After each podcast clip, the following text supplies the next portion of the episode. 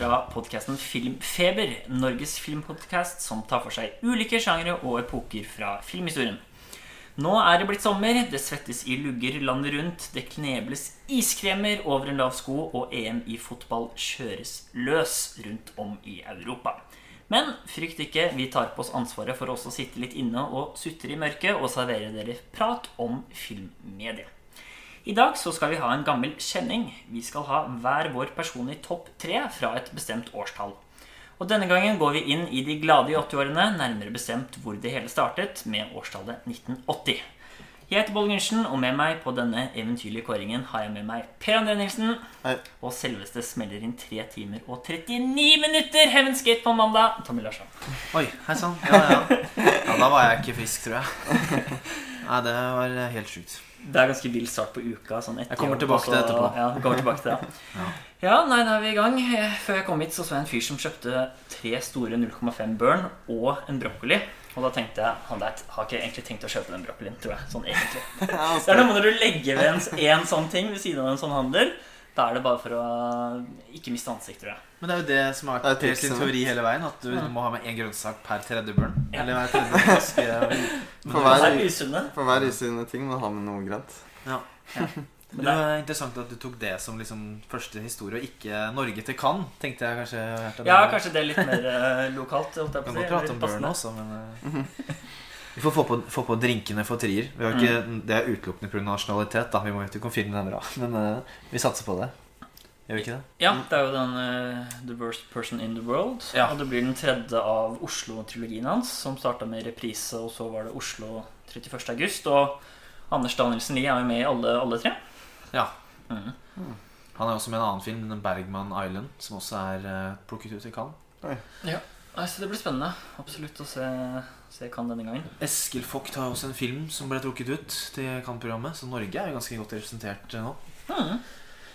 Så vi blir spennende å se rapportene når det, når det går av stabelen litt senere i sommer. Jeg tviler på at vi er invitert dit. Ta neste, neste år. Litt, litt, litt større. Det har kanskje vært, det har kanskje vært litt mye Hongkong Cinema Zack Snyder, men uh, vi, uh, vi får satse på at vi eh, blir hedersgjester når vi er i pensjoniståra. Kanskje litt lenger, fremover. litt lengre perspektiv. Eh, uten, utenom det så har vi jo også vært tilbake på kino. Tommy har til og med vært to ganger. Men uh, Mm. vi gikk jo som en hellig treenighet alle tre ned på Cinemateket i Oslo. Og da så vi Harakiri av Masaki Kobayashi, som eh, vi har sett før. For meg var det vel oh, det er lenge siden. Ni år, kanskje? Åtte-ni år? Det er i hvert fall veldig lenge siden. Så jeg husket ikke så mye av filmen. Ja, jeg så den også veldig tidlig. Jeg husker ikke helt når, men uh, kanskje sånn 18-19 år eller noe. Og huska egentlig, tidligere. Ja. huska egentlig bare at det var mye dialog, men at det var noe, lå noe ulma noe vold der, og at det var noe spennende. Og så bare oppdaga en film DB egentlig sånn Dette er en av de filmene du bør se, da. Så det var litt sånn Det var interessant å komme tilbake til kinoen og så ikke huske så mye av den. Mm. Ja, det er en film som er ganske populær blant kritikere, blant annet. Og jeg husket vel mye sånn at det var ganske spennende og tematisk, men jeg hadde litt glemt litt sånn det filmatiske. da Og det er kanskje sånn jeg ikke fulgte med så mye på før. Og det satte jeg ganske pris på. Og så i tillegg da skuespillet da til spesielt eh, Nakadai er jo veldig sånn fysisk skuespill. Og han er jo nesten innom absolutt alt, føler jeg. Sånn galskap, sinne, redsel, sorg, hat, vantro, lykke. Det er nesten Ja. ikke måte på alt han skal gjennom i løpet av den filmen. Bestefar som 30-åring òg, det står sterkt. jeg Ja, var 30 år. Det er Ja. morsomt vi er fortsatt det. er vel Da året etter han var ferdig med den der Human Condition, den sinnssyke filminnspillingen. Og han ser så mye eldre ut. Det er ganske morsomt. Og det er bare året etter. Ja, Nei, jeg syns den er interessant, jeg òg. Det er jo på en måte bare masse close-ups og alle disse, den saktebyggende spenningen opp mot det første rituelle selvmordet som skjer i filmen, syns jeg er ganske velregissert og spennende, da.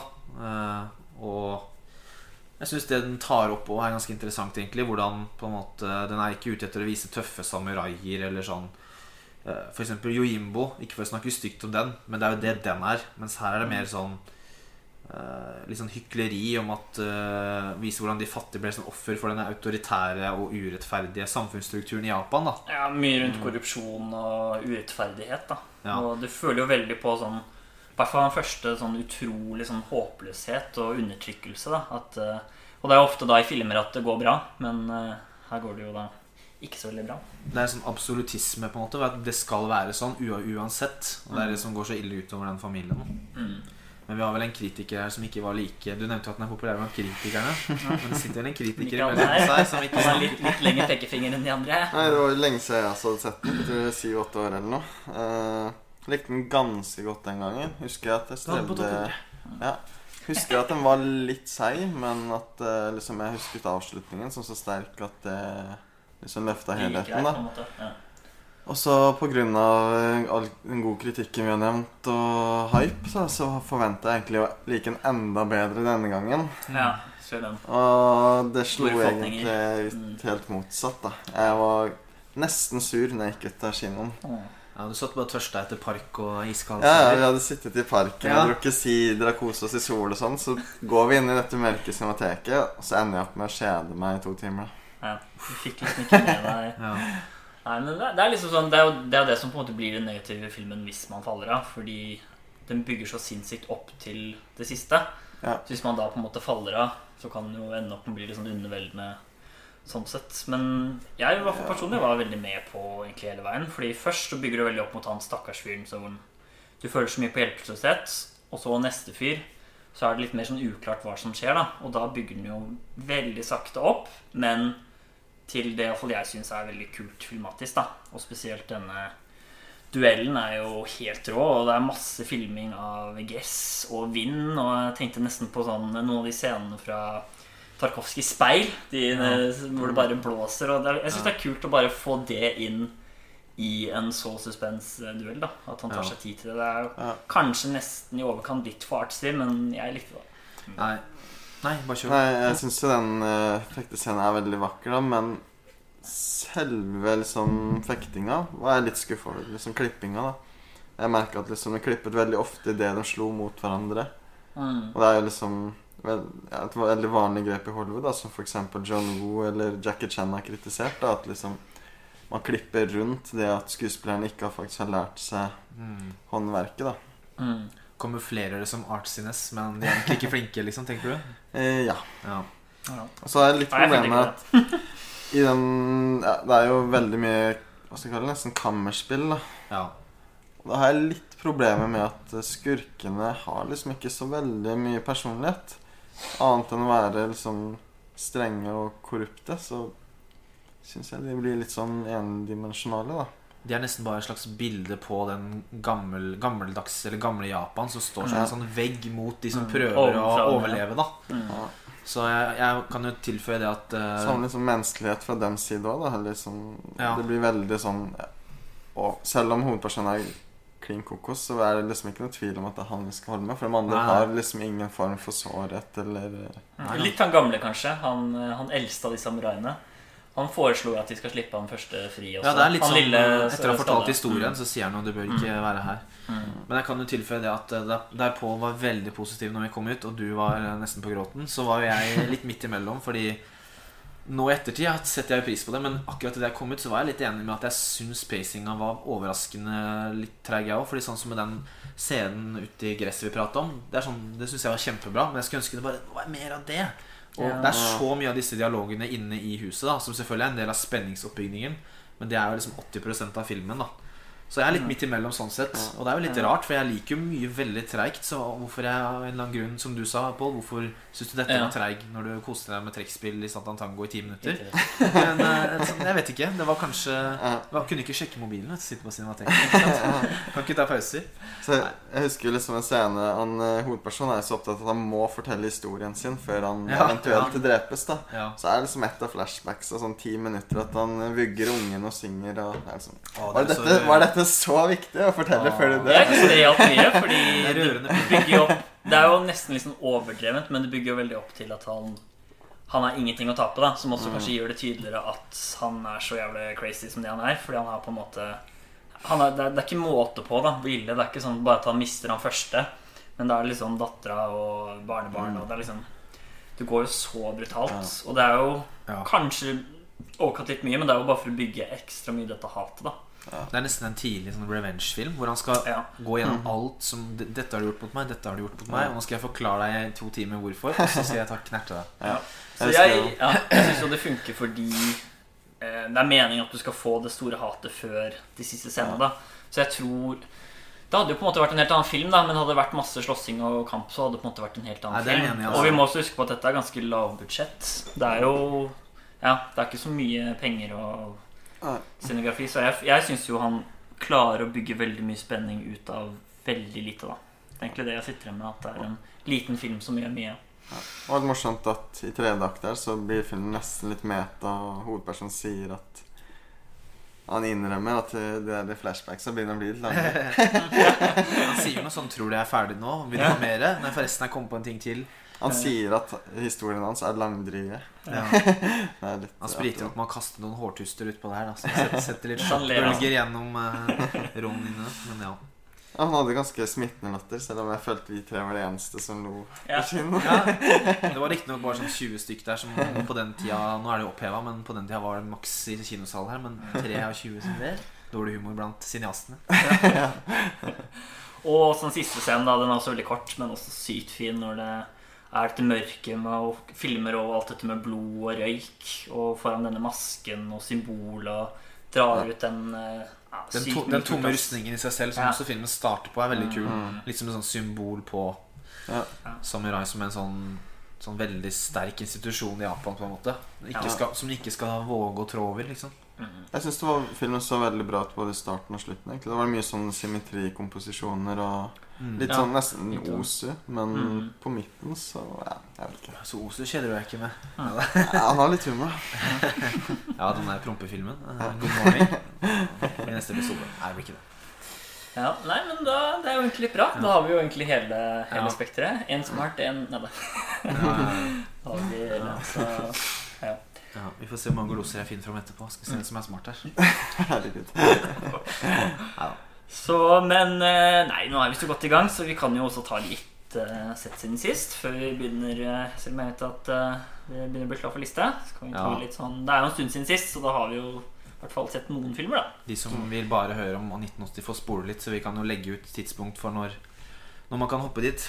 Ja. Hvem starter? Ja Skal vi se Skal jeg ta det? ja. Siden alle nøler. Jeg mista notatene mine der. Per, eh, Ja, hvis du vil okay. Jeg har, ta, jeg har bare forberedt å prate om én film, egentlig. Den så jeg i Ja, går. fem, så bra. Ja, ok. Nei, jeg skal ta, skal ikke ta. Starte med litt polsk film av Oi. eh, Andrzej Bartowiak. Oi. Ja, du går i nytt spor der. Dette her, altså. En film som heter Exit Wounds fra 2001.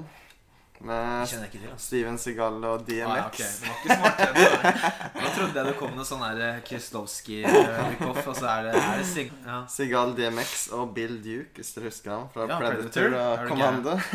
Han skal være med i den nye Steven Soderbergh-filmen også, som jeg så trailer til i stad. Oppi. Går rundt der i 70-åra. Eller 80-åra, men ikke. altså, Samme så ikke jeg spora for mye. Også greit å nevne Stuntman fortjener en liten shout-out. Steve Gall er en helt vanvittig stuntman Oi. Som gjør masse sjukt. Og synd at han ikke ligner noe på seg Gall. da. Det er kanskje vanskelig å være så mobil og akrobatisk når man er så høy og stor, kanskje. Det er kanskje det da, at det er lettere med å være en sånn liten akrobatfyr. Rart at han allerede i 2001 ikke, Han ville ikke skjule at han hadde stuntman. Altså, han var ikke så tøff da. Allerede begynte Nei, å slite det er litt ikke- med helsa. Et problem med filmografien hans, litt som Arnold, egentlig. Det er veldig tydelig når han bruker stuntmann. Ja. og at han veldig ofte gjør det. Ok, hva slags Ja, film er dette dette? er en politifilm da, som Det er alltid det. Alltid. Ja. Det er faen meg noe fint. Det blir om tre, tre politifilmer fra 1980 på politiskolen. Det er politibilen. Ja, det er liksom Sigal er en sånn politimann som aldri, aldri følger eh, lovboka. da Blir sendt på anger management og satt og og jobber i dårlige distrikter. Ja, Det er det samme vanlige, da. Skyting og eksplosjoner og slåssing og fekting. Og Fekting òg? ja, litt fekting med, Ja. med hagler uten kuler i lenger. Oh, ja. Men, men det var veldig morsom. med Ekstremt mange karakterer. Og undercover politi og undercover narkolangere skurker som viser seg å være helter, og helter som viser seg å være skurker. Ja, sånn mimiks. Sånn, ja. den der The Departed og Internal. Affairs. Twister oppå twister. Ja. Så, ja, så jeg har ikke så veldig mye å si, egentlig. Men det er Ja, veldig morsom film på 1 time 40, da. Jeg setter pris på at vi har en som kan dra opp det der. Det må jeg innrømme. At ikke bare jeg sitter her og sitter og kjeler med Kobayashi og Osu, Liksom. Det er greit å ha litt grann uh, exit wounds av uh, selveste Bartov... Ja. Bartowiak. Ja, ja. Det blir det sin eh, egen episode om han eh, for Per. eh, jeg. Ja. Men da kan jeg ta neste. Jeg har sett uh, en sørkoreansk zombiefilm som heter Hashtag Alive. Yes. Og jeg ble jo veldig glad i Train to Busan. Eh, Syns det er mye som skjer på små flater. Der er du inne i et tog mesteparten av handling. Og her er litt det samme. Her Nesten all handlingen er inne i en boligblokk. da Og jeg syns også her at de klarer å lage mye spenning ut av lite å rutte med. Og det er blant annet en scene som jeg ikke skal røpe, men hvor du bygger noe ganske originalt til den klassiske følelsen hvor du har fått et familiemedlem til å bli zombie. Og liksom de problemene rundt det. da Eh, slutten er ganske svak, så den trekker dessverre en del ned. Men ellers så er det en ganske sånn koselig, enkel eh, film å sette Koselig? på. Hvis man underholdende, da. Det er ikke sånn skummel, skummel zombie, på en måte. Det er ikke like hardcore Så- som Busan, kanskje. Eller sånn. Nei. Den er, den er jo ikke, ikke at du sitter og Jeg satt ikke og gråt, men den er på en måte mer opptatt av å være skummel enn Ja, den er litt humor, den Det òg. er Han veldig svære mye humor. fyren. Ja, eh, det er kanskje det. Så de er liksom, jeg føler det er ganske sånn Karakterene har det fælt, da, mener jeg. liksom Du føler litt det samme som du ser en actionfilm, på en måte. Sånn Ja. Mer enn at det er sånn dritskummelt. Eh, så ja. Hvor, når var denne fra? Den er ganske ny. Uh, okay. Fjor, tror jeg. Noe Ja, sånt. ok. Eh, veldig ny. Men det er ingen som har sett den oppfølgeren til Train to Busan? Peninsula? Den er fikk Ikke så ganske dårlig dårlig Ja, men den burde, vi burde jo, som tre kan-kritikere, burde vi jo Mm. snike. snik, Ja. Snik inn. Så vi skal få plass der. Så. Nå ser jeg så mye søkerens zombiefilm, så kan jo få den også med. Ja. Ellers så har jeg sett eh, Kan jeg nevne en til? Jeg har sett eh, To Catch a Thief av Halfrid eh, Hitchcock. Ah, Med selveste Grace Kelly og Cavey Grant, som skal ikke stå på rollebesetningen. Mm. Eh, hva skal man si Den mangler litt opp til de beste suspensfilmene til Hitchcock. Og midtpartiet er kanskje litt langt, men jeg syns det var en veldig vakker film. da Først og fremst eh, location. Det er jo Mm. nede ved Middelhavet. Masse flotte villaer, herskapshus, hager, strandliv, kafeer. Veldig sånn idyllisk sammensetning. Eh, Veldig fin lokasjon. Og utrolig fin technicolor-bruk. Ja, eh, det det visuelt helt nydelig. Kontraster og valørsprang og det er ikke måte på. Og kan trekke fram en scene. Det er det siste maskeradeballet. Mm. Som er en slags krysning av Barry Lyndon og Ice White Shut. Hvordan de er kledd ut. For det er sånn Barry Linden, Lyndon, de der eh, klassiske, gamle kostyme. Men veldig mange går med disse rare maskene. Og han tar seg veldig god tid. Det er liksom litt sånn uvant til Hitchcock å være. Dveler og observerer liksom hele festen. Masse fint kostyme og alt sånn, så det var filmens høydepunkt, da. Så Var det denne 20-filmen? ja, To Catch a Thief, så ah, ja, det. eh, ja, Litt svakere handlingsmessig selvfølgelig enn Ja. Vertigo og alle de her, men den var så brei visuelt at eh, jeg endte med å like den, Ja. faktisk. Nei, jeg husker også best i Villaen og franske Riviera. Ja, veldig Ja, mye fin og dykking rundt og ja, Veldig Ja. fint, altså. Fin Den har jo veldig sånn rar ironi, den filmen der, fordi eh, Grace Kelly kjø råkjører jo i filmen i en scene. Ja, Og hun døde i en bilulykke. eh, no, mm. Rundt i år- området en stund etterpå. Jeg tror til og med det, faktisk. Ja. Ja. Så den er litt sånn skummel. eh, Mm. Litt sånn der, Hvis man er overnaturlig, så bør man ikke Mhm. ja. Yes. Skal jeg ta over, da? Eller hadde du noe mer? eh? Eh, nei, jeg kan gi meg der. Ja, jeg sa at jeg hadde fem, men jeg skal korte ned litt her. Vi får ta det, jeg kan ta det i neste episode. Siden vi, å, vi, er vel, vi er vel borte på nesten 20 min. Uh, Det har jo vært et litt uh, nyhorrorskred, så jeg tenkte å være han, han som tar nye filmer. da Jeg har gjort det litt i det siste. Jeg har sett uh, tre 2021-horrorfilmer. De to første skal jeg snakke veldig fort om, fordi Spiral from the Book of Saw, Supper Eh, Jeg så også originalen fra 2004, forresten. Det er fortsatt ganske gøy. Eh, The Conjuring, The Devil Made Me Do It. Nesten søppel, men eh, litt bedre enn Spiral. Og så A Quiet Place Part 2, uh, som er den første nye kinofilmen jeg så siden Tenet. da Som jeg så to dager etter uh, Harakiri Ja. på det store lerret. Eh, på. ja, De to første filmene jeg sa nå, kan dere bare skippe, men den her anbefales. Uh, det var deilig å være tilbake i den store På Ringen Supreme. da Supreme Nei. Eh, kan- Jeg kan ha blitt påvirka av dundrende Dolby Atmos-lyd og det rista i setet og den skjermen og alt det der. Og så er det jo litt Det er kanskje litt lav terskel for 2021-filmer også, men den her syns jeg var ålreit, altså. Eh, Den er ekstremt eh, taktil. Vi har jo tulla litt med det, men det ordet. Men altså, den, det første du ser med en gang filmen starter, er at den er skutt på 35 mm. Eh, det var veldig god overraskelse. Det er nesten juks, for det gjør filmen så mye bedre for meg. da eh, Veldig sånn kornete bilde.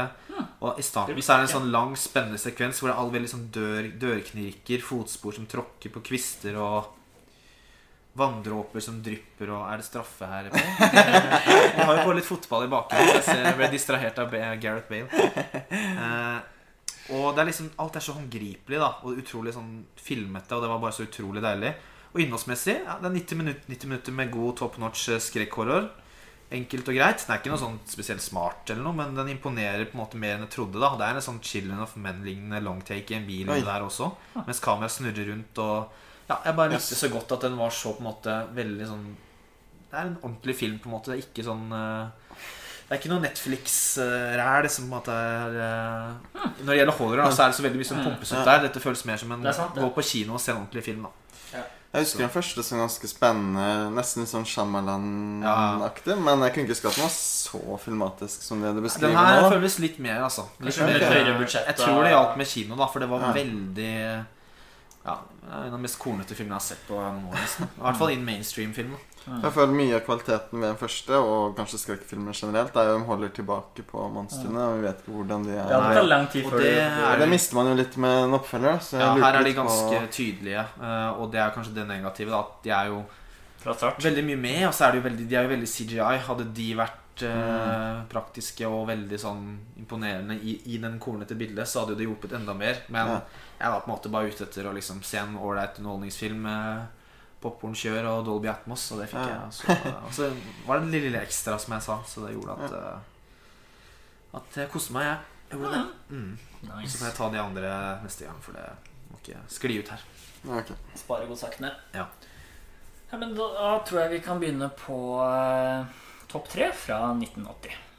Da tar jeg og starter. Eh, vi går vel gjennom alle tredjeplassene. Og så andre og første, sånn som vi har gjort tidligere. Og så tar vi vel litt sånn om eh, året til slutt etterpå. Og min tredjeplass fra 1980 er Michael Ciminos 'Heaven's Gate'.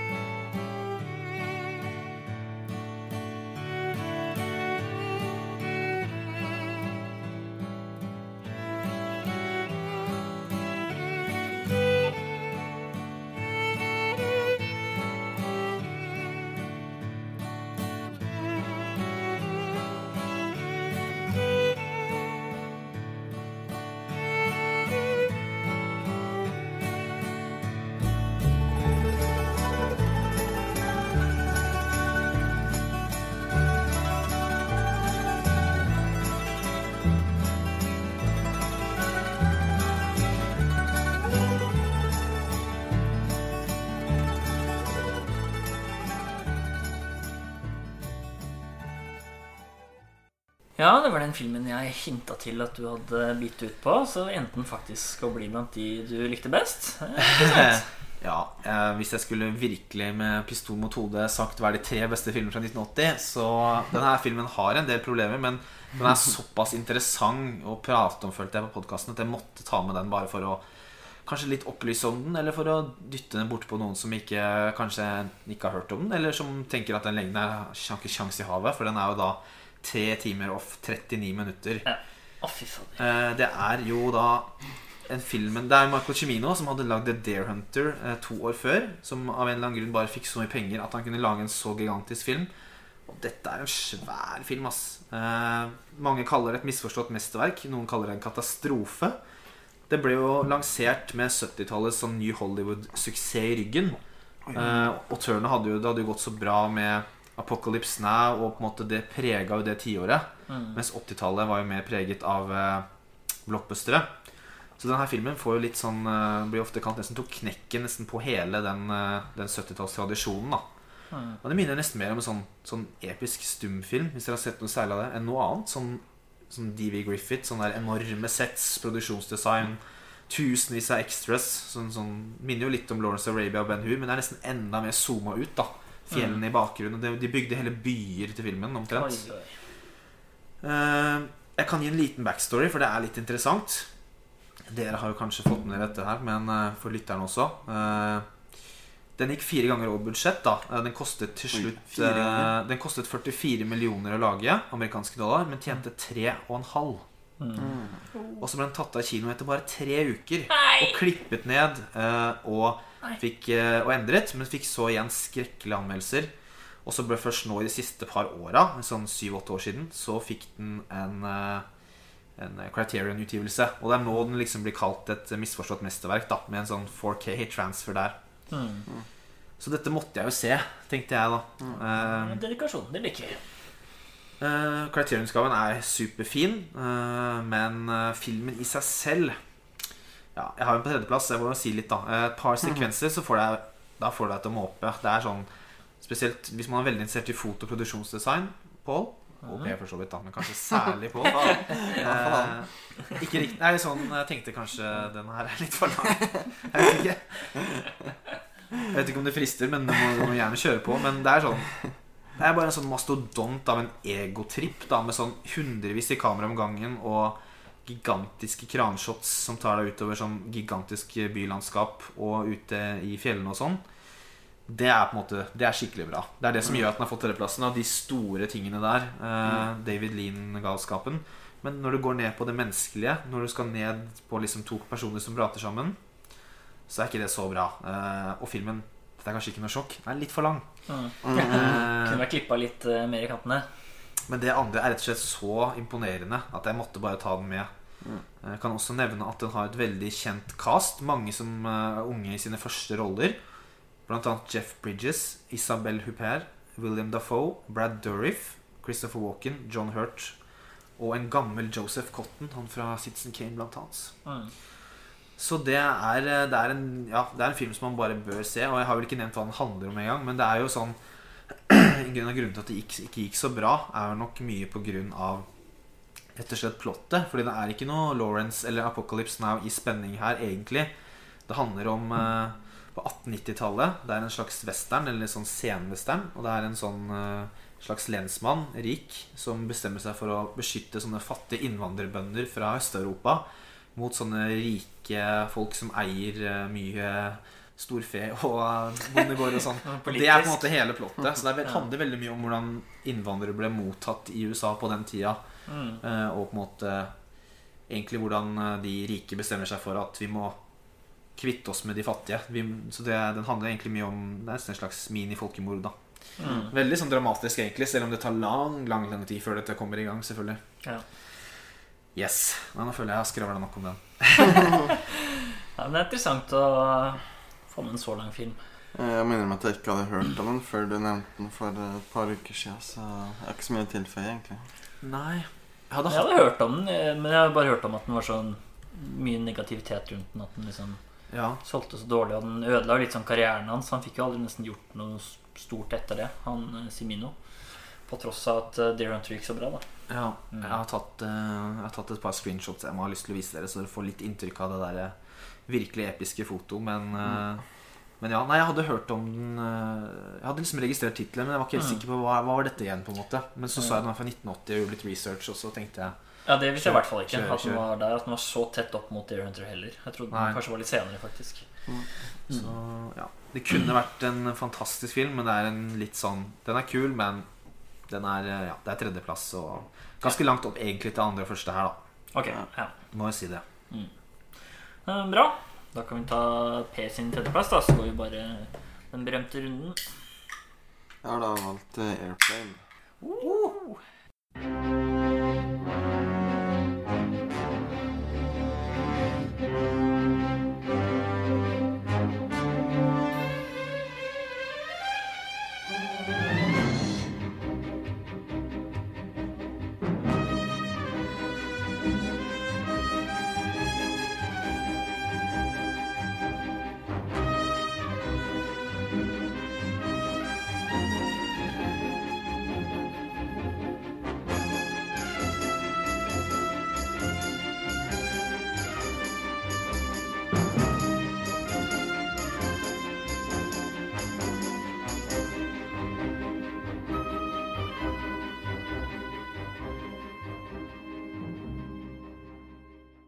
Airplane er da laget av hele tre regissører og manusforfattere.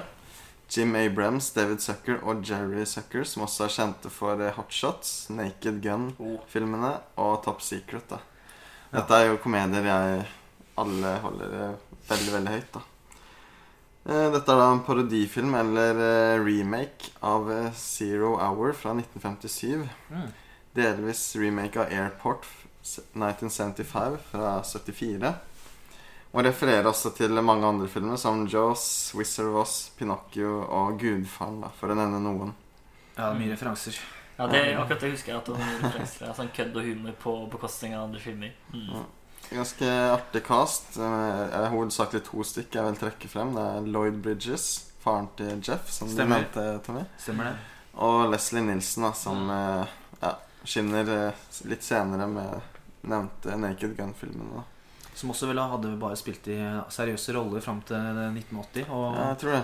og det hadde vel de fleste av de gamle gutta Ja. i filmene, tror jeg. Så det var det som var litt sånn komisk med den. Vi hadde han i den Forbidden Planet-episoden vår. Så Ja. Lise Nilsen. Første gang sett sett ja. uten Før han hadde hvitt hår.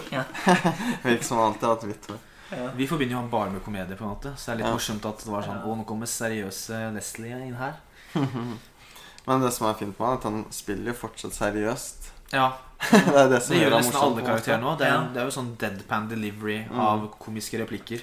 Etablerer absurditeten av alt som Ja. skjer. Den der, eh, når hun spør han eh, Are you nervous? Og så sier han yes. Og så bare spør de Is it your first time? Og så sier han No, I've been nervous many times. Ja, det er. Nesten sånn Monty Python Ja. i USA-aktig. Det er sånn, mye sånne hele veien. da Så den er jo den er veldig underholdende. Den er, Ja. Det er ikke sånn dødtid. er ikke to timer harakiri for Per. Det Nei, det er jo også delvis en actionfilm, vil jeg påstå. Det er jo Det handler jo om eh, piloter og passasjerer som eh, ja, på et fly blir matforgiftet. Og mm. dette tvinger da en ekspilot fra andre verdenskrig til å måtte ta over flyvingen da, og lande det. Mm. Han svetter greit. Ja, ja det er så meme, ja. Han svetter så sykt Den mye. har jeg brukt mye. Ja. Han lider jo dessverre av traumer fra krigen. Ja. Så her er en del humor. Og filmen hopper liksom mellom eh, lettbeint og barnslig humor og til svært grove ting da, som nesten ikke ville vært lov Ja. å spøke om i dag. Mm. Filmen er faktisk Jeg så den jo nå nylig. så det er Gjensyn. Og den er faktisk utrolig politisk Ja. ukorrekt. Kanskje mer i dag enn da den ble laget, vil jeg påstå. Eh, Det tar liksom ikke mer enn tre minutter før man får en abortspøk. Nei. Mm. Merkelig hvordan USA de, tål, de tålte å ha så mye sånn drøy humor, føler jeg, på den Mm. tida. Til og med i sånne familiefilmer på Ja, en måte, så er det så mye sånn grove vitser. da Ja. Og særlig her, da. Det er jo, det er jo en vits Det er jo en kar som henger seg i flyet, og Ja.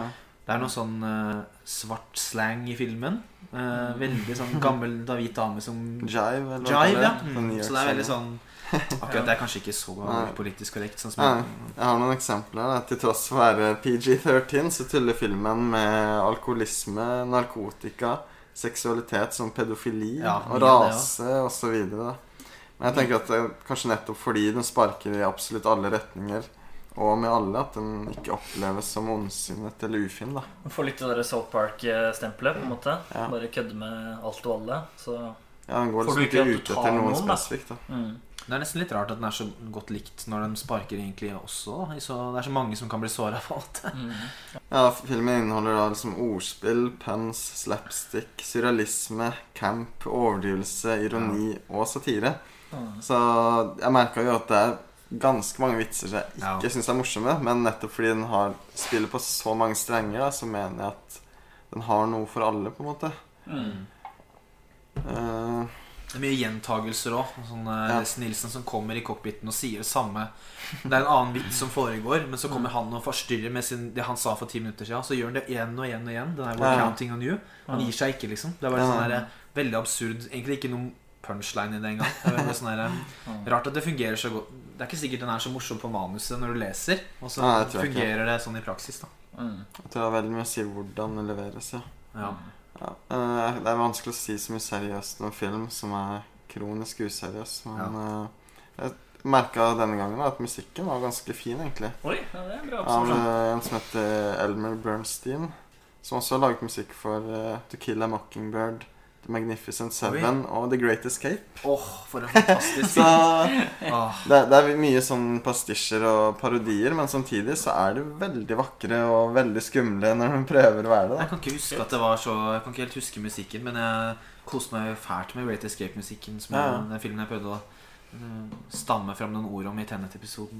Første gang vi prata. Eh, Det eneste jeg ikke er så fan av, er egentlig flashbacksa. Jeg syns de blir litt lange og litt Ja, mye, og ser litt billig ut også. Liker Ja. best når vi er i flyet, ikke når vi er i Vietnam eller hvor det er. og alt det der. Ja, Så det er det som gjør at jeg ikke er så sånn topp 100 blodfan av den. Litt de scenene som trekker ned. Det er ekstremt mange vitser i filmen. i hvert fall Jeg så øh, en analyse som brøt ned Jeg husker ikke hvilken avis som har skrevet det, men den brøt ned én spesifikk scene og regna ut hvor mange vitser var i den scenen. Mm. Antall sekunder. For å finne ut hvor mange hun trodde var i hele filmen. Og landa han på 850 eller noe. Jo, men jeg husker jo det sånn Det, det er aldri sånn Det er ikke lenge uten at det skal være et eller annet som er morsomt. da Ikke sant? Nei, enten Det er jo jevnt, på en måte. Det er ikke sånn at nå er det ti minutter seriøst, og så kommer det strids. Det er sånn på løpende bånd i en og en halv time. Og hvis hun ikke sier noe morsomt, så skjer det et eller annet i bakgrunnen. Ja. Eller en tekst på veggen. Ja, man ja, ja. oppdager, oppdager noe nytt hver gang man ser noe. da Mm. Folk som kommer og går på det flyet. Plutselig sitter noen nye der, liksom. Ja. Hele tida. Det er rart. Mye rart. Det er bra. Ja, så det var min eh, tredjeplass, da. Ja. Gå til min tredje, som da er The Elephant Man av David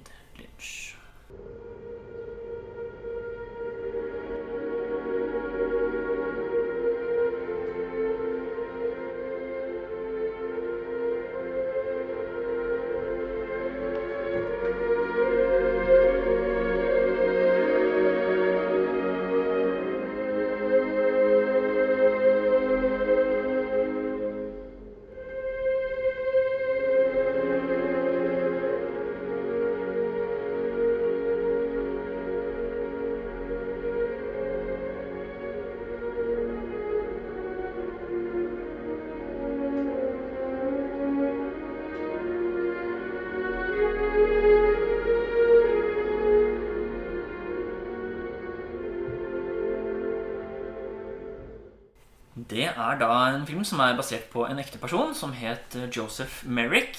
Her ble han da kalt John i denne filmen. Og han hadde da symptomer som gjorde at kroppen og spesielt hodet hadde en del deformerte hevelser og ja, svulstlignende klumper. Og derav kalt eh, The Elephant Man, for det ligner litt på den eh, kroppen man får av sånn elefantsyke. da. Og eh, det starter jo med at eh, han eh, stakkars John er på et omreisende sirkus, som da egentlig fungerer som et freakshow, hvor han da blir ydmyket og latterliggjort og ja, Det er ikke måte på egentlig hvor mye han blir plaget gjennom dette her. Og så etter hvert så er det da en kirurg som heter Frederick, som er da spilt av Anthony Hopkins, som da finner han og ja, redder han fra dette her og prøver da å hjelpe han og, og liksom studere han samtidig. da Han lar han jo sove der hvor han arbeider på dette sykehuset. Og ja Mye av det som gjør at jeg liker den så godt, er vel at jeg kanskje synes det er en av de aller beste filmene jeg har sett om eh, forhåndsdømming, egentlig. En eh, person som bare møter helt eh, absurd mengde med motgang kun basert på utseendet sitt. Og han er jo egentlig interessert i høykultur, og det, liksom, det kommer jo mye Ja. fram utover filmen. da uh, Mens de fleste tror jo at han knapt kan snakke, og bare er et sånt monster som de ser. da Og Nei, altså Han er kanskje liksom den snilleste karakteren jeg har sett på film, føler jeg. Han er så godhjertet og hyggelig mot alle og blir glad for alt folk gjør. og Nei, det, det er noe jeg sitter igjen, da. Og så er det også selvfølgelig så veldig mange sånne fæle scener hvor liksom han får kjørt seg når de bryter seg inn på sykehuset og plager han.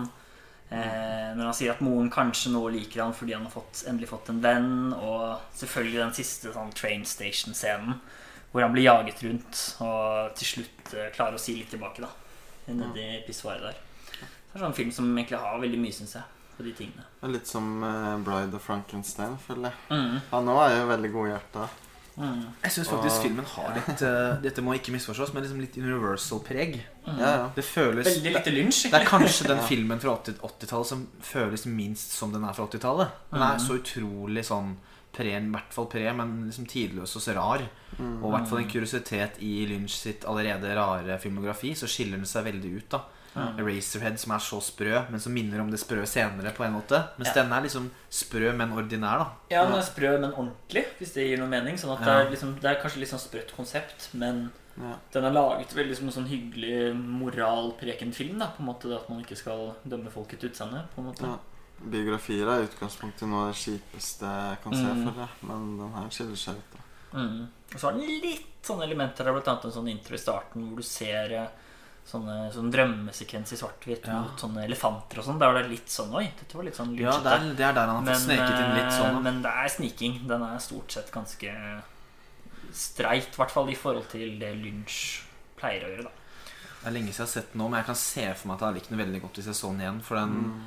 Jeg mener husker at den er så utrolig vellaga, og liksom Du føler virkelig at det er nesten ekte det du sitter og ser på. Ja, Den er veldig sterk. Det er eh, helt klart sånn handlingen og skuespillet som jeg sitter igjen med her. da At den er så er så synd på han, på en måte. Han stakkars eh, Stakkars John. Liten fun fact. eh, Det er morsomt med da John Hurt, som spiller hovedrollen. Som jeg nevnte, spiller jo i Heaven's Gate. Og han har jo ikke så stor rolle der, men produksjonen av den filmen tok så lang tid at han i mellomtiden dro og lagde Elephant Man, og så dro han tilbake til skatesettet etterpå. Sto det på trivia. Ja. Det må ha vært en helt sjuk maskejobb òg, da. Sikkert mye jobb rundt det. Ja. Mm. Den har en sånn Ja, den, eh, Av en eller annen grunn så tenker jeg nesten på sånn Litt på Universal og sånn, liksom sånn Tetsuo. Med den derre merken Mm. måten svart-hvitten er på, hvor liksom sånn er også lignende scener hvor han blir eh, sperret inne på eh, toalettet. På Ja, måte. Så, så den er helt sikkert inspirert av akkurat den her. da For han, liksom, han blir jo jaget av alle folk som løper etter han, og så veldig sånn ydmykende faller ned midt gjennom sånn skittent pissoar på en train station. en Liksom. fryktelig trist film. da Ja, Men også veldig stemningsfull med de der hvor han går i viktorianske London med den hvite hetta med ett hull for øyet. Ja, for se du ser de der eh, gå på brosteinen, og du ser de der 1800-tallslyktene. Det er veldig sånn stemningsfull. da Og så er det jo fint, han blir jo også ranet tilbake av han sadistiske eh, freakshow-sirkusagenten, eller hva man skal kalle det. Og da er det jo til slutt de andre som eh, blir stilt ut som freaks, som faktisk hjelper han. Så den viser jo liksom enda tydeligere at det er på en måte de også som gjør de gode tingene, da. Det, mens alle de som ser mer vanlige ut for oss andre, ofte er ganske frekke i denne filmen her, da. Så Ja. mye tematisk der. Så ja, det var min uh, tredjeplass. Da kan vi kanskje gå videre til uh, andreplassene. Yes, da er det vel meg. Og uh, dette er jo nesten menneskerettighetsdomstolen i Hagen-nivå at dette ikke er min førsteplass. Men det da måtte jo da selvfølgelig bli 'Raging Bull' av Martin Scorsese.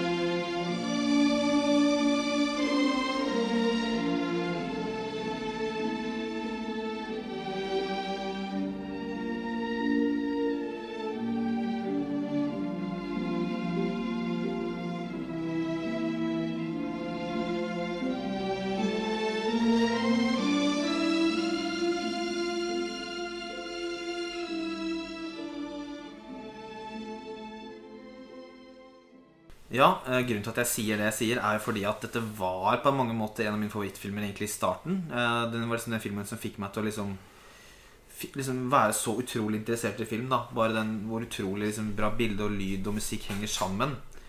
Eh, og når Jake LaMotta, spilt av Robert De Niro, da står og bokser i den bokseringen alene i starten i nydelig svart-hvitt Skutt av Michael Chapman, og kamera fanger de slow motion-bokseslagene med Pietro Mascagnis intermesso fra operaen Caleria Rusticana. Oi. Ja, da er det rett og slett ingenting som er bedre, for det er en, beste, en av de beste åpningsscenene på en film.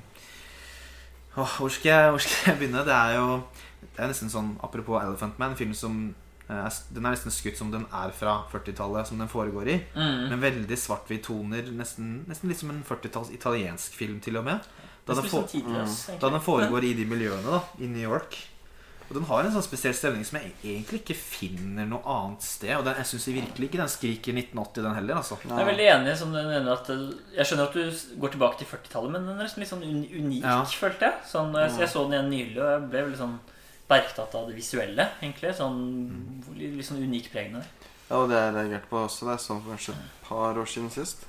Det minne om eh, italiensk film, ja. 40-60. Ja, det gjør det. Den Rocco and, His- and His Brothers, eksempel. Den har jeg ikke sett, men den har jeg hatt uh, sinnssykt lenge i hylla. Den burde jeg Ja. Den er jo boksefilm også, er det ikke det? Ja, det eneste den brøt litt opp med noen jump cuts og litt sånn zoom, zooming og sånn, som ikke var helt Ja. så gam fullt så gammeldags, da. Men ellers, ja. Den har mye leking med det. Bokseringscenene er jo masterclass i foto og klipp med alt fra slow motion, vertigo zooms og dyrelyder med sånn elefanthyl i bakgrunnen og sånn. Og en sånn tåke Ja, helt vilt mye Ja. tåke. Og de gamle kameraene, de paparazziene som knipser og blinker og, Ja. og klipp og foto i den siste boksescenen mot Sugar Ray Robinson får jo whiplash til å virke som en TikTok-video skutt av en treåring.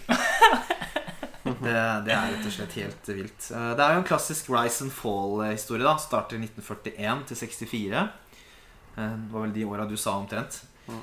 Og det er jo en film som er analysert i hjel tematisk. da Det er veldig mange YouTube-analyser og bøker skrevet til den og sånn.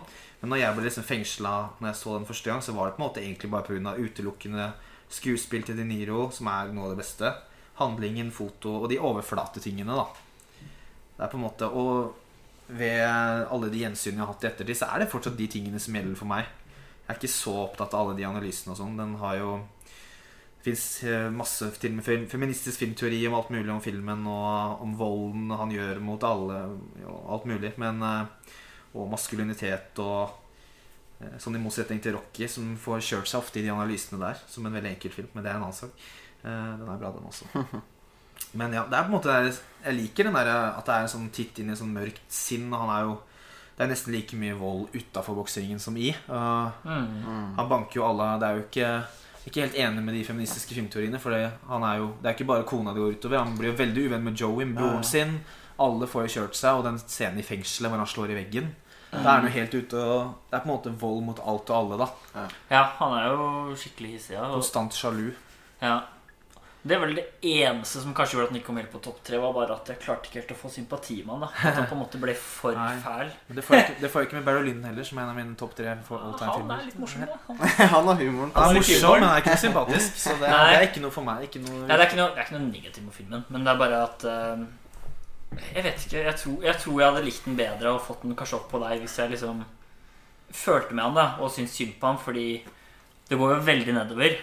Så det er jo egentlig ganske stor mulighet for å få sympati, men han er på en måte Ja. for fæl. på en måte på en måte Han er liksom for ille til at jeg skal klare å synes synd på han. Og spesielt den scenen hvor han møter broren etterpå. Så er det veldig tydelig at han er så stusslig, og at du tenker sånn stakkars fyr. Men jeg er helt enig med broren. da Bare sånn, ja, Drit i han der, liksom. For Ja, det er jo det som er, eh, det er det som er litt sympatien jeg får. At han er et veldig mislykka menneske på en måte som ikke får til noen ting. Så det er Så man kan, jeg syns jo synd på han sånn sett. da Mm. Og det er jo interessant at Joe Pesci er den veldig forsiktige her. De Niro er helt gæren, og i Goodf- Goodfellas er det snudd om. Det er ja. helt motsatt. Mm. Så Det viser jo på en måte skuespillinstruksjonen fra Scorsese også. At han er Ja. Kult at han snur det der. Pesci er veldig uh, flink, ass. Og, for han er hissig der òg, men han er på en måte Han har ikke den ukontrollerte hissigdommen. Han er mer sånn logisk hissigdom, på en måte. Bil, bildørscenen hvor han Ja. eh, Frank Vincents karakter får kjørt seg ganske heftig med klump mellom bildører der. Ja. Motsatt også i Goodfellas, eh, som jeg snakka om før, hvor han tar hevn. Men uh, ikke for å spoile Det er kasino. Ja, Casino, beklager. Casino. Mm. Det Eh, er morsomt hvordan Joe Pesci alltid klarer å spille så jævlig skummel, selv om han er sånn 1,50 og 40 kilo. Ja.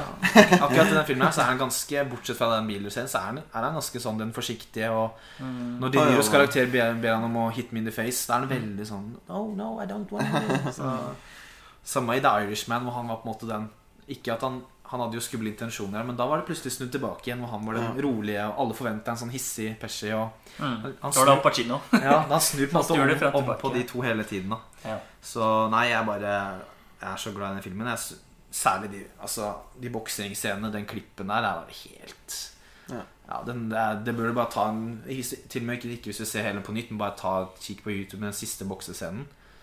Helt sjukt. Helt sjukt. De Niro er skal ha skryt for han gikk jo opp og ned direkte, og muskler og flesk og gikk om hverandre. Ja, det er helt uh, Han har jo litt, litt fettsuit, tror jeg også, men han, er, han har gått veldig mye opp i vekt eh, på slutten av filmen, når vi er på det 60-tallet der. Ja. Og jeg syns det er en utrolig bra slutt òg, når han uh, jobber på denne uh, Ja, karaoke Nei, ikke denne baren vits Sånn vits- Standup standup, bar sånn. Ja. Mm. Og jeg skal ikke spoile siste scene, men det er veldig sånn sårt og utrolig bra, syns jeg. Ja. Og særlig, som jeg nevnte, da, denne musikken helt i åpningsscenen. Og er bare helt Ja, jeg kjenner jeg snakker meg nesten til førsteplassen her, men eh, vi, vi får komme til det etterpå. Mm. Eh, Da går vi over til min andreplass, som da er 'Dress to Kill' av Brian De Palma.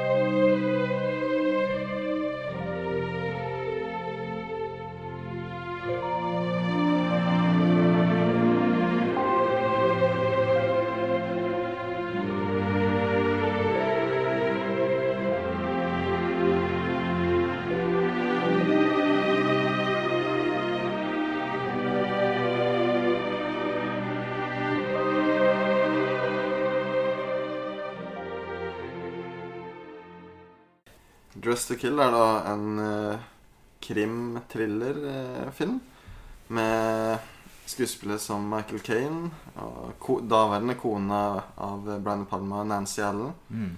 som også har spilt i flere filmer av han, og Dennis France, som også har spilt en del filmer av han. Og ja, dette er da en film om en uh, seriemorder. Og jeg vet ikke hvor mye jeg skal gå inn i detalj på handlingen, men eh, det jeg liker så godt med den, er at uh, dette er en film som virkelig spiller på alle kjennetegnene til eh, Palma. da. Mm. Mm. At det er hans uh, independent film hvor han skulle lage ja, nærmest en giallo-thriller. da. Mm. Og den inneholder alt som split screen eller diopter og dusjscener. Flere, faktisk, denne Mm. gangen. Mm. Vi starter vel med det òg. Første og, og drømmesekvenser. Første og siste, nesten. Ja. Ja, drømmesekvenser eller mareritt er jo noe som går igjen flere ganger. Og dessverre, vold mot kvinner er jo en gjentager eh, i Mm. filmen hans. Og fantastisk soundtrack av Pino Donaggio. Sant. Ja. Yes, det. Kanskje noe av det beste med filmen. Den er en utrolig- Så bra soundtrack. Ja. Den er jo utrolig sleazy og pervers fra første stund, egentlig. Ja. Mm. Og det er på en måte Det er jo noe av det som gjør filmen bra. At den bare kjører på med alle de filmaske virkemidlene og er på en måte så kompromissløs. da Samtidig så har jeg liksom inntrykk av at den også er litt, sånn- litt roligere, sånn mindre crazy. At den tar enn mange av de andre også, på en måte. Sånn at liksom Jeg vet ikke. Kanskje holder seg litt i tøylene i forhold til Body Double. For Ja, den er litt Ja, sånn den er helt over styr. Ja, fordi han har veldig mange filmer som er helt sånn crazy. Sånn eh, Phantom of the Paradise. Paradise ja. Så alltid opera.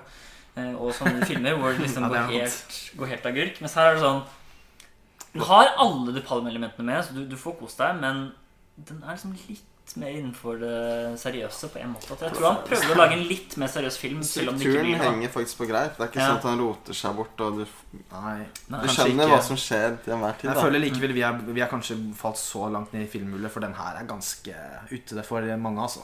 Vil jeg påstå. Ja, kanskje. Mm. Ja, det er mye giallo-elementer i filmen. Mm. Nærbilder av øynene, bruk av Mm. speil, fokus på hansker, som ofte er av lær. Mm. Mm. Som han kombinerer med Hitchcock-referansene. da Ja, det er kult. Det tar seg god tid med de scenene der òg. Spesielt uh, Psycho, kanskje, Eller den er nærmestliggende. Men også uh, Vertigo, da. Mm. Den scenen når de er på museum, Mm. eh, den er jo veldig bra. Sånn, så mye blikk og Ja. gåing fram og tilbake og longtakes og utrolig bra å få inn en sånn på en måte sekvens da, innen en sånn type film. Den, den Den- kan jeg se for meg at klippeprodusentene produsentene satt og spurte Do you have to be so long? Ja, Den er lang Ja. til å være en sånn scene. i en sånn film. Eh, Det er utrolig lang Der går det mange minutter uten noe dialog, egentlig. Ja. Eh, I Criterion-utgivelsen så gjør Bambach Baumbach et intervju med Palma. mm. Og der uh, kalles sistnevnte museumsscenen for eh, A basic element of cinema. Following a beautiful woman around. Ja. Liksom- Skal ikke mer til, ifølge han, for å lage god film. Ikke en eh, hyggelig måte å følge noen rundt på, men, litt, men følge rundt det er det for så vidt. Ja, det er sånn rar kombo av stalker og flørt, på en måte. Ja. Det er sånn rar eh, Ja, for hun er jo ganske fordi- mottakelig for det også. Ja, så det er Hun liksom er litt ting. spent på situasjonen. Og så er det alltid sånn Han ene som går litt foran, så går han rundt et hjørne. Og så kommer hun, så ser hun den ikke, og så gir hun opp, og så kommer han tilbake, og så kommer han fram igjen. Så det er veldig mye sånn spill, sånn katt og mus nesten, fram og Mm. tilbake. Før hun mister den siste hansken til slutt, da.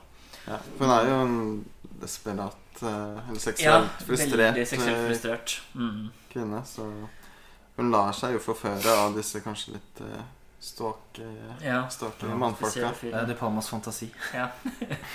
Og det er helt fantastisk den siste scenen Men jeg kan kanskje ikke røpe Men i hvert fall den er så utrolig bra laget med nettopp speil og blikk og forventninger. da Mm. Den siste scenen Den er så utrolig Utrolig bra laget. Ja, strukturen er jo Mm. ganske interessant i filmen. Det er jo både en drastisk endring eh, en tredjedel inn i filmen, Ja, relativt tidlig, faktisk. Jeg var overrasket over hvor tidlig det skjedde. Mm. og også avsløring Filmens store avsløring skjer også Mm. når det nesten er 20 minutter igjen. Mm. Mm. Man får faktisk fire slutter etter det som man vanligvis ville Ja. tro at det er slutten. Ja, ja, ja det, Hele fire. Det er ganske utrolig. Skal er kanskje ikke gå inn på det mye eh, i detalj. Brian. det er vanskelig å ikke si uten noe Men jeg tenkte veldig på det siste gang at Å ja, nå skjer det, og så bare ah, ja, det var det. Sant det. Nå er det slutt. Nei, nei, nei. det er et fem til. Nå må den være slutt. Og så bare fortsette. Jeg tror faktisk at jeg ikke tok den tvisten første gang jeg så den. Jeg vet ikke med dere, men den der, eh, når man finner ut hvem morderen er, da.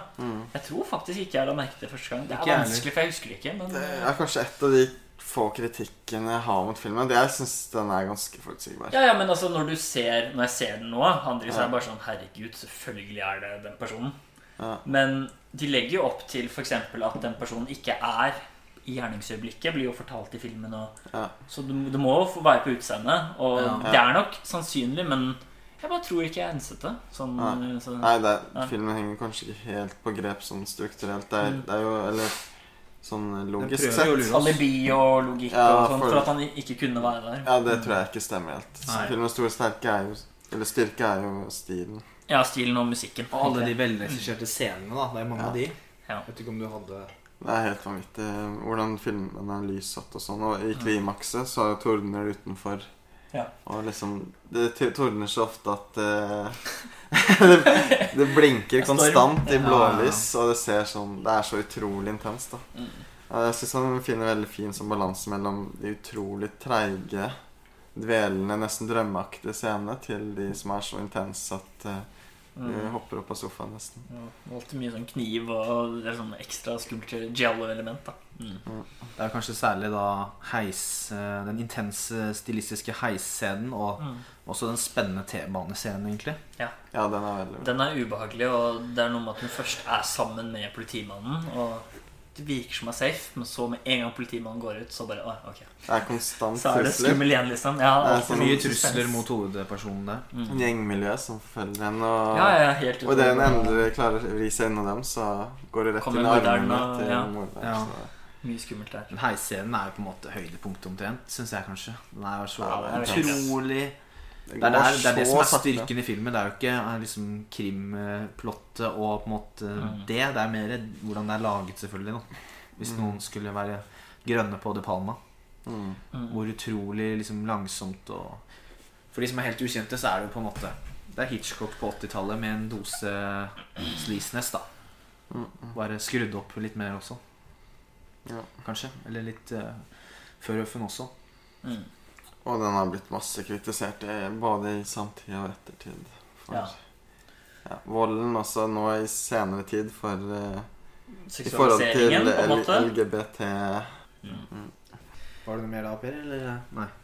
Nei, hvis vi skal holde oss utenfor uh, ut, Hvis vi skal droppe spoilere, så tror jeg vi gir oss. Ja, måtte nesten ha spoiler for å gå videre. Sant det. Eh, Da er det min andreplass, og det er Star Wars episode 5. The Empire Strikes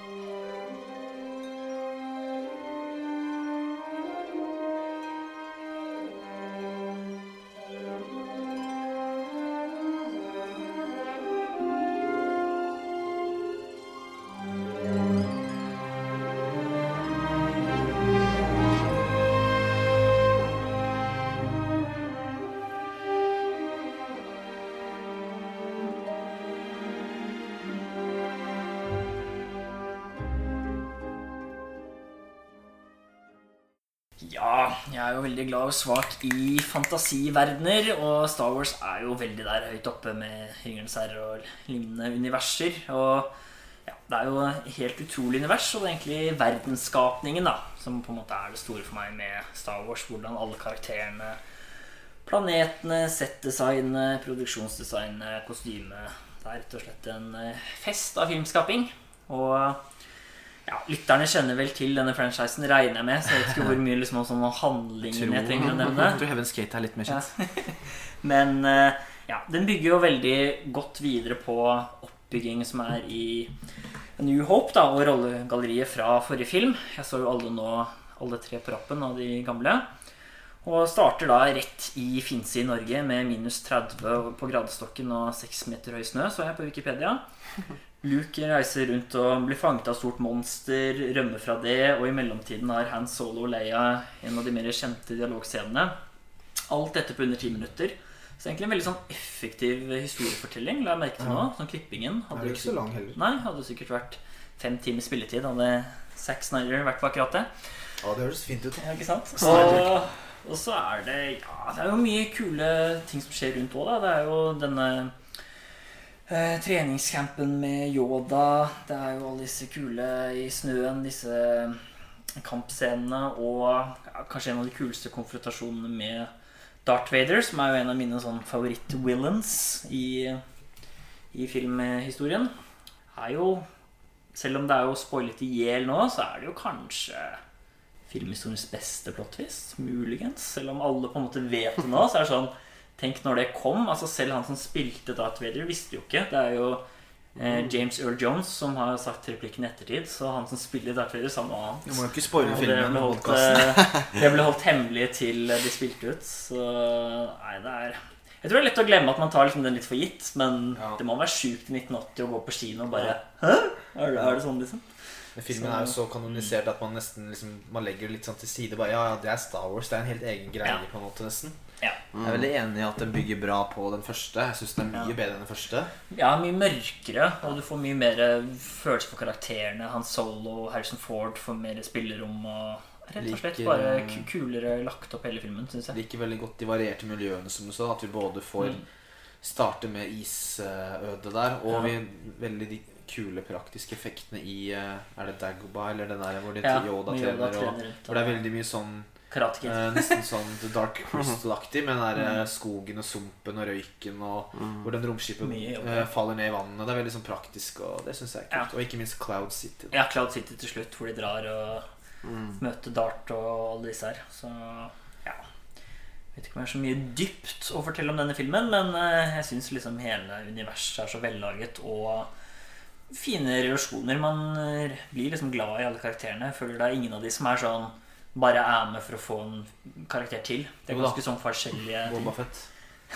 Boba Fett, Han har virkelig ikke mye han skal gjøre. han er ikke så mye mer her. Han får litt Nei. mer i siste. Altså. Ja, han er virkelig akkurat det du sa, da. Lagt på for å ha en kul fyr. For Ja. å selge leker til 80-tallskids, Ja. tror jeg. Men ja, han eh, får mer i treeren, da, så jeg føler han er litt sånn han er ikke, Han er ikke mye, det han er ganske brukelig i den siste også. Han er virkelig ikke mye han skal Men hva skal man De har liksom, ja, jeg vet ikke. De har liksom forskjellige sånn uh, rappkjefter R2D2 og nervøse C3P Og de har liksom Klarer å lage en kul, kult galleri Faktisk, det er sånn Det er jo liksom motsatt jeg har med eksempel Hobbiten da, Hvor det er sånn ti, ti hobbiter eller dverger du ikke kan navnet på Ikke sant? Ikke sant? Her får du veldig sånn Du får liksom følelse med nesten alle da, synes jeg. Det som er synd, er at eh, Lucas har eh, nesten tvangsredigert noen av film, filmene i ettertid. Da. Det er liksom sånn Du må jobbe for å finne riktig versjon, for du vil jo ikke sitte og se på sånn eh, 1997 eh, Spesielt den siste fikk kjørtsas Når de har Ja, sånn der så det karaoke-synging med CGI og sånn ja. Det ødelegger litt Det er ikke så lett å få tak i Ja. I Return of the Jedi i starten der Så er det en scene hvor det er veldig tydelig Det er den du snakker om Ja. Hvor det er veldig tydelig at du ser at dette er fra Phantom Menace-eraen Ja. Så CGI-figurer som står der og synger Det er så mye bedre når Luke kommer snikende inn der til Jabba og det mm. Herregud, ass, hva surrer han? Veldig rart, veldig rart Ja, ja Så ja, da var det altså Star Wars måtte lures med der. Og da kan vi gå over på førsteplassen. Ja, da er det min tur igjen. Og eh, det måtte jo bli eh, Stanley Kubricks Uber Masterpiece, The Shining.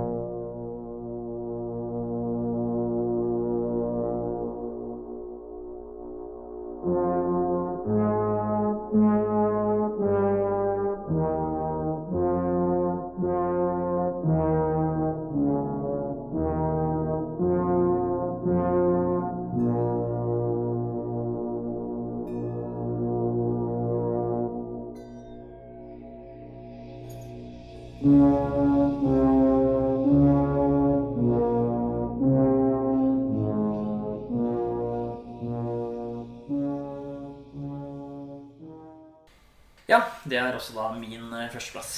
Og min.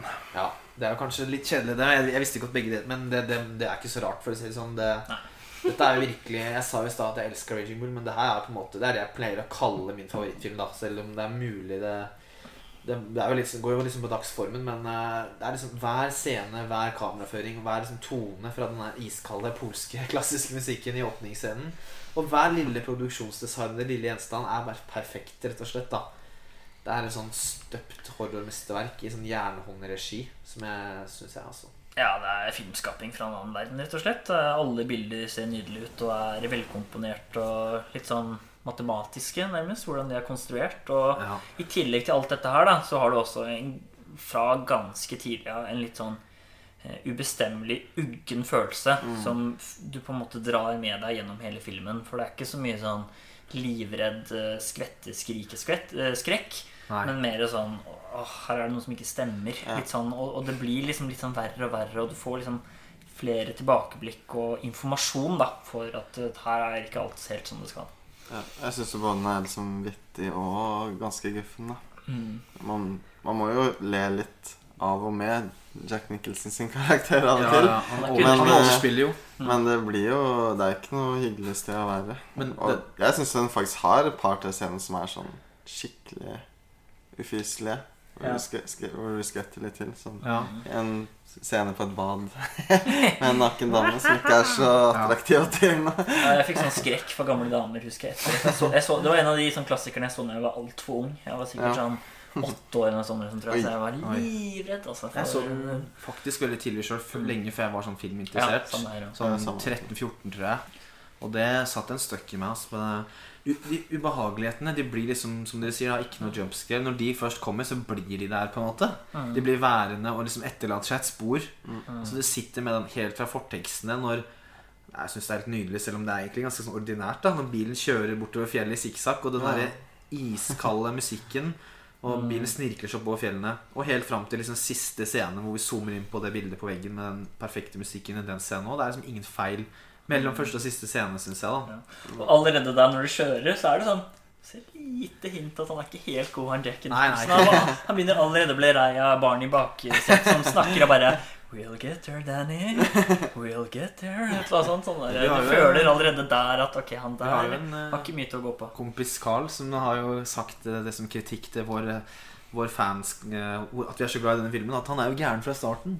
Ja. Og det er jo litt sant. Det er jo sant, men eh, men det her den er fortsatt gradvis. Den Ja, går fra litt gæren til hubba bubba. Det er et spekter her.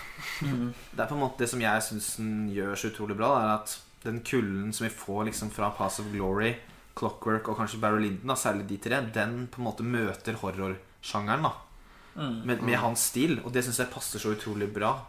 At den der unike ubehageligheten, da som ikke minner om noe annet, at den er konstant gjennom hele filmen. Ja. Og så er den selvfølgelig analysert i hjel, og alle vet hva det er, og særlig vi som er veldig interessert i film og sånn, men jeg klarer på en måte ikke å bli lei av den uansett. da Den er bare så utrolig bra. Ja, det er liksom galskapen som utfoldes, som vi sier. Og det er mange gode scener også utenom liksom det skumle. Det er annet scenen hvor han sitter i baren og prater. Er det da spøkelser, eller er det Jack som hallusinerer? Det er liksom uklart. Og så blir den på en måte enda sterkere når han møter denne butleren.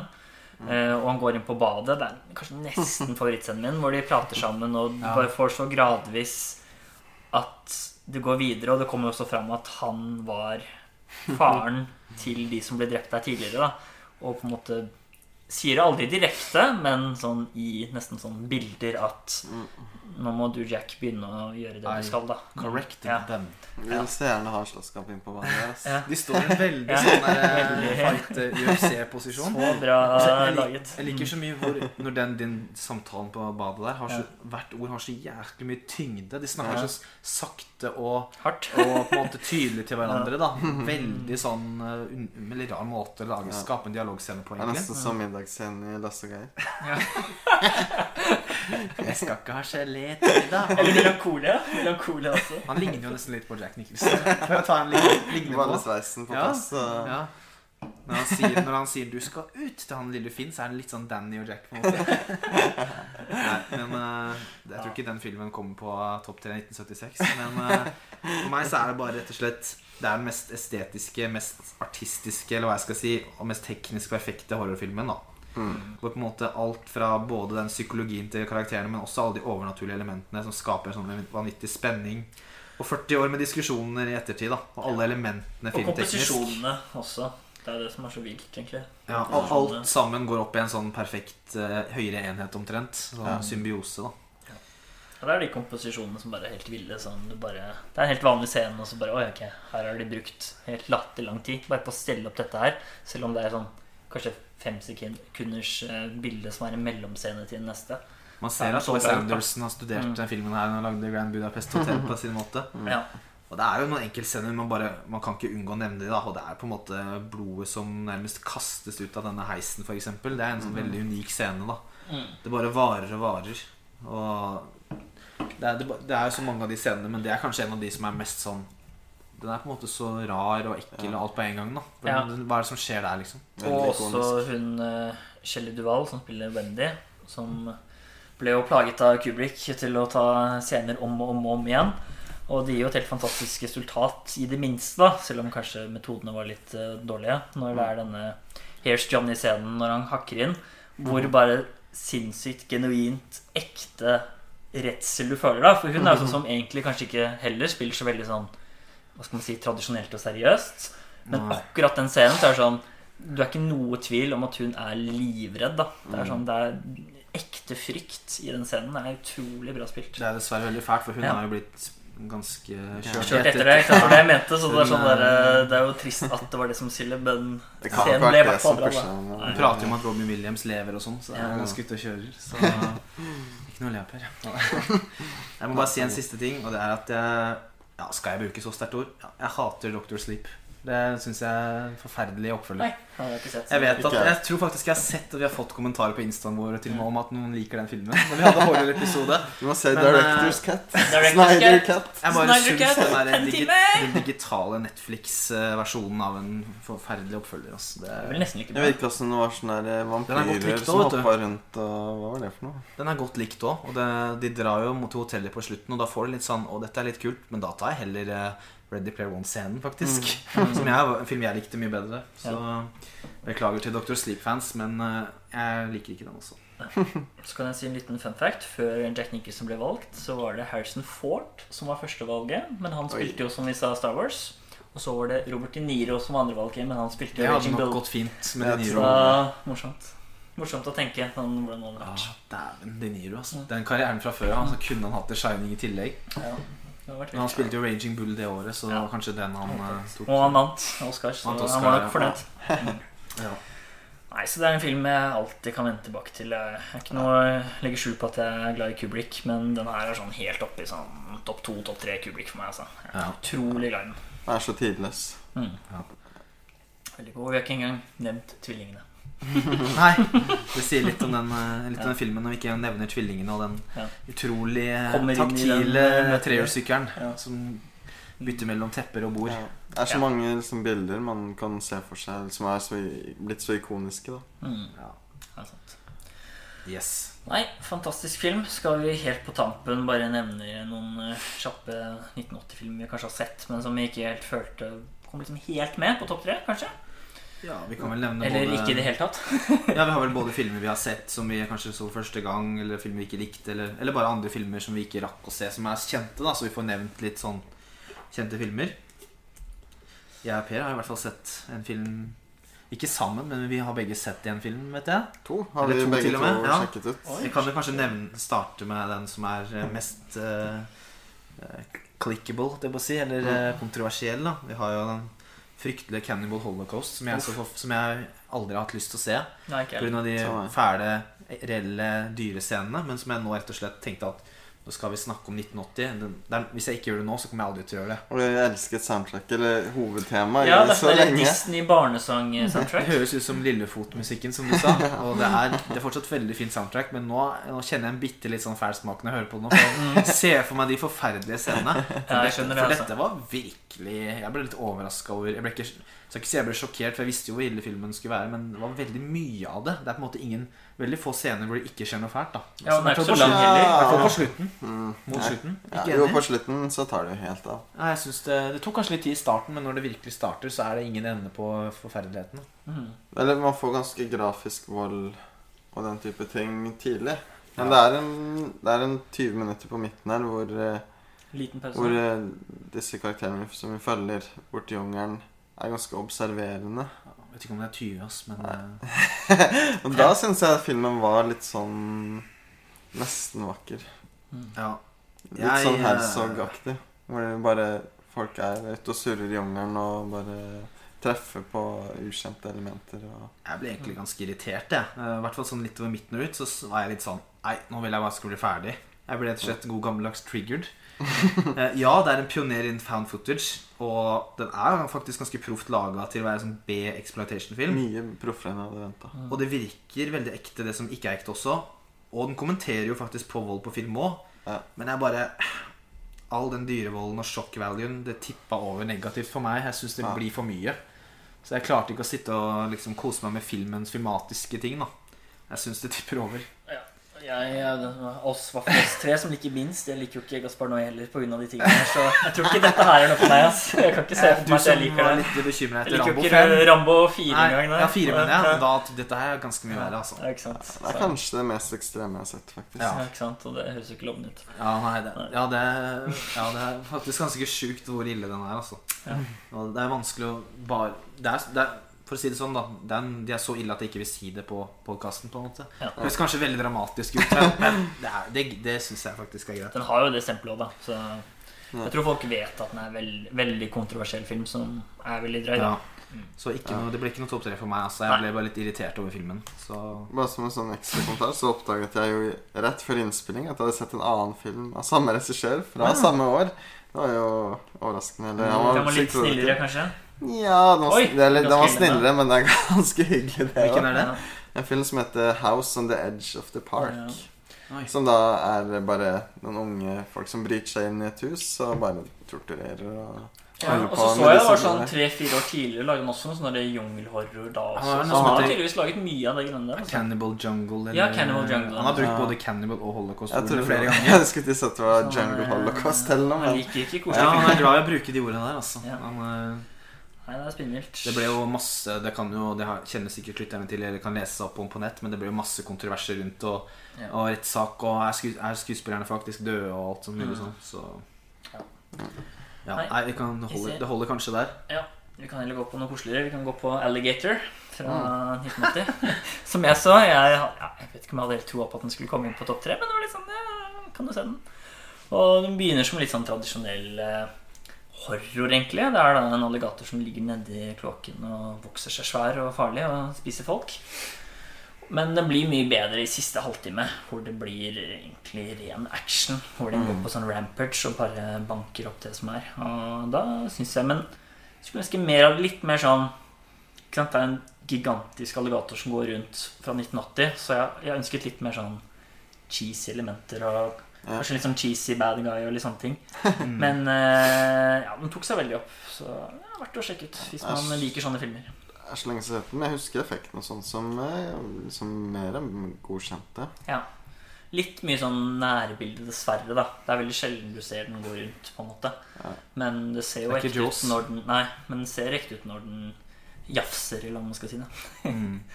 Mm. Ja, Vi så jo noe som eh, Jeg og Per så jo noe før vi spilte inn Kurosawas Dreams. Ikke at det ligner på Alligator nødvendigvis, det vet jeg ikke, for jeg har ikke sett den. Men vi så jo B-horrorfilmen 'Humanoids from the Deep'.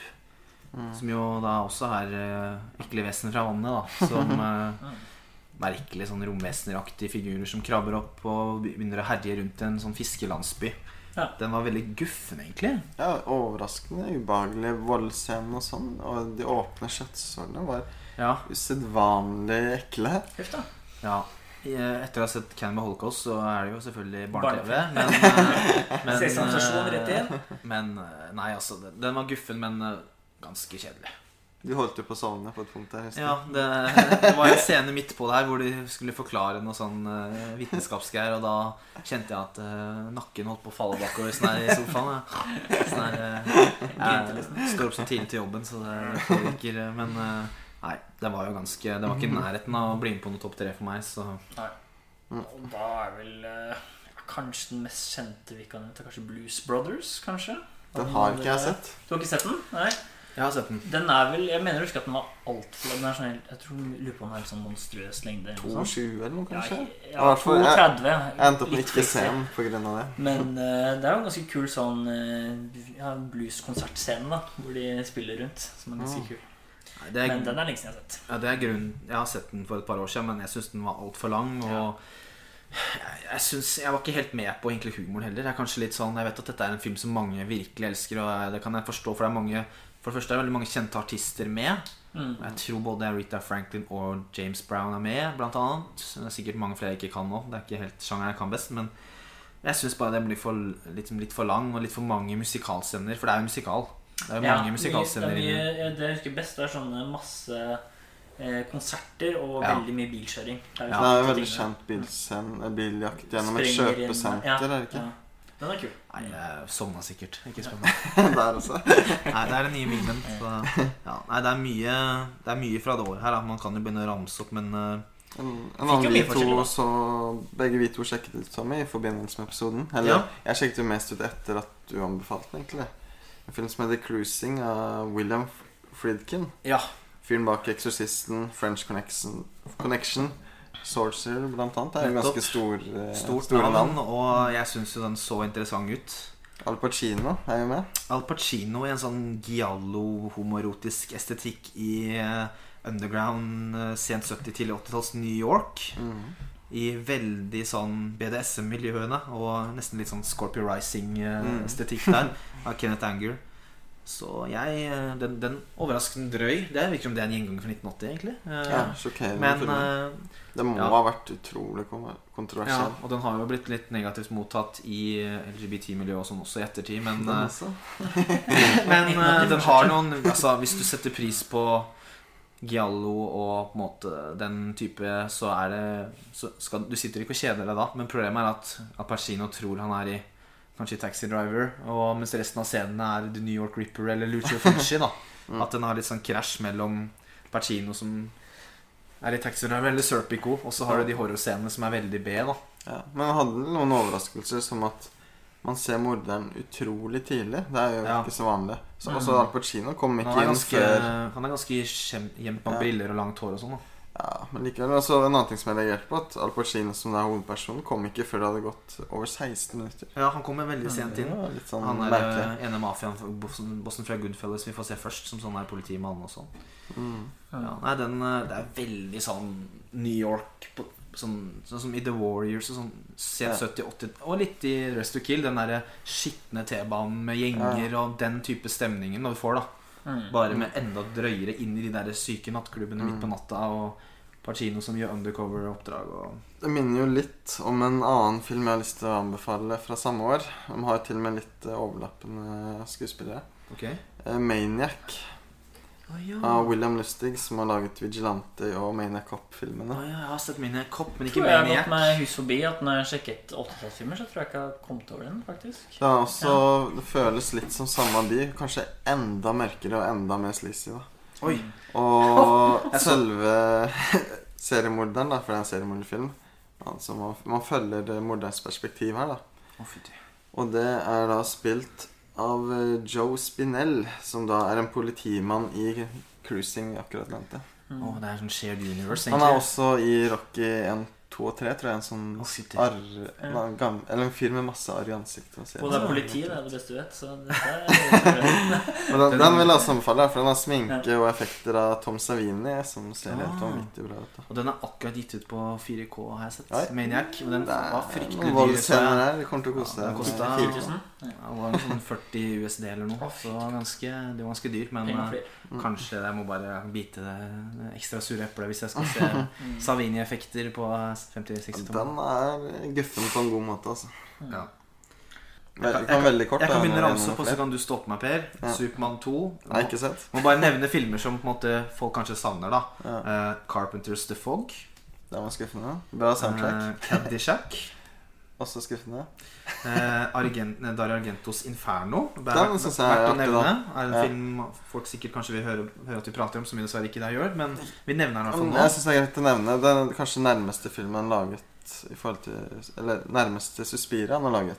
Ja. Ikke giallo horror, men mer sånn Jeg har dessverre ikke sett den. Bare, Oi. bare Suspiria. Eller ikke Det er mye men av det samme Mm. Ekstreme, sterke fargene og ekle stemninga. Det er også en, en undervannsscene som er veldig imponerende. Ja. Jeg kan fortsette, så får du stoppe meg. Kage Kagemusha, verdt å nevne for eh, Kurosawa-fans. Mye av samme fargene som i Inferno. Den hadde jeg lyst til å se, men eh, tre timer Jeg tok ikke en Tommy og smelte den på mandag, dessverre. Jeg jeg har til og med kjøpt Criterion-utgaven, så det var fryktelig dårlig at jeg ikke fikk sett den til i dag, men eh, sånn ble det bare. Ja. Eh, Altered States. Den er interessant, da. Den er egentlig veldig interessant, men det er så mange år siden jeg har sett den. Det er en film man ser mest for effekter, vil jeg kanskje påstå. Ja, En ekstrem surrealismefilm. ja den, der er det mye rart som skjer. Mm. Minner jo litt Ja, om det var helt sjukt, Carpenter, den traileren, egentlig. Også. Ja. var litt sånn der Cronberg, nesten. var det ikke? Ja, Ja, det er veldig Jeg vil påstå at det er en ganske bra sammenligning, egentlig. Ja.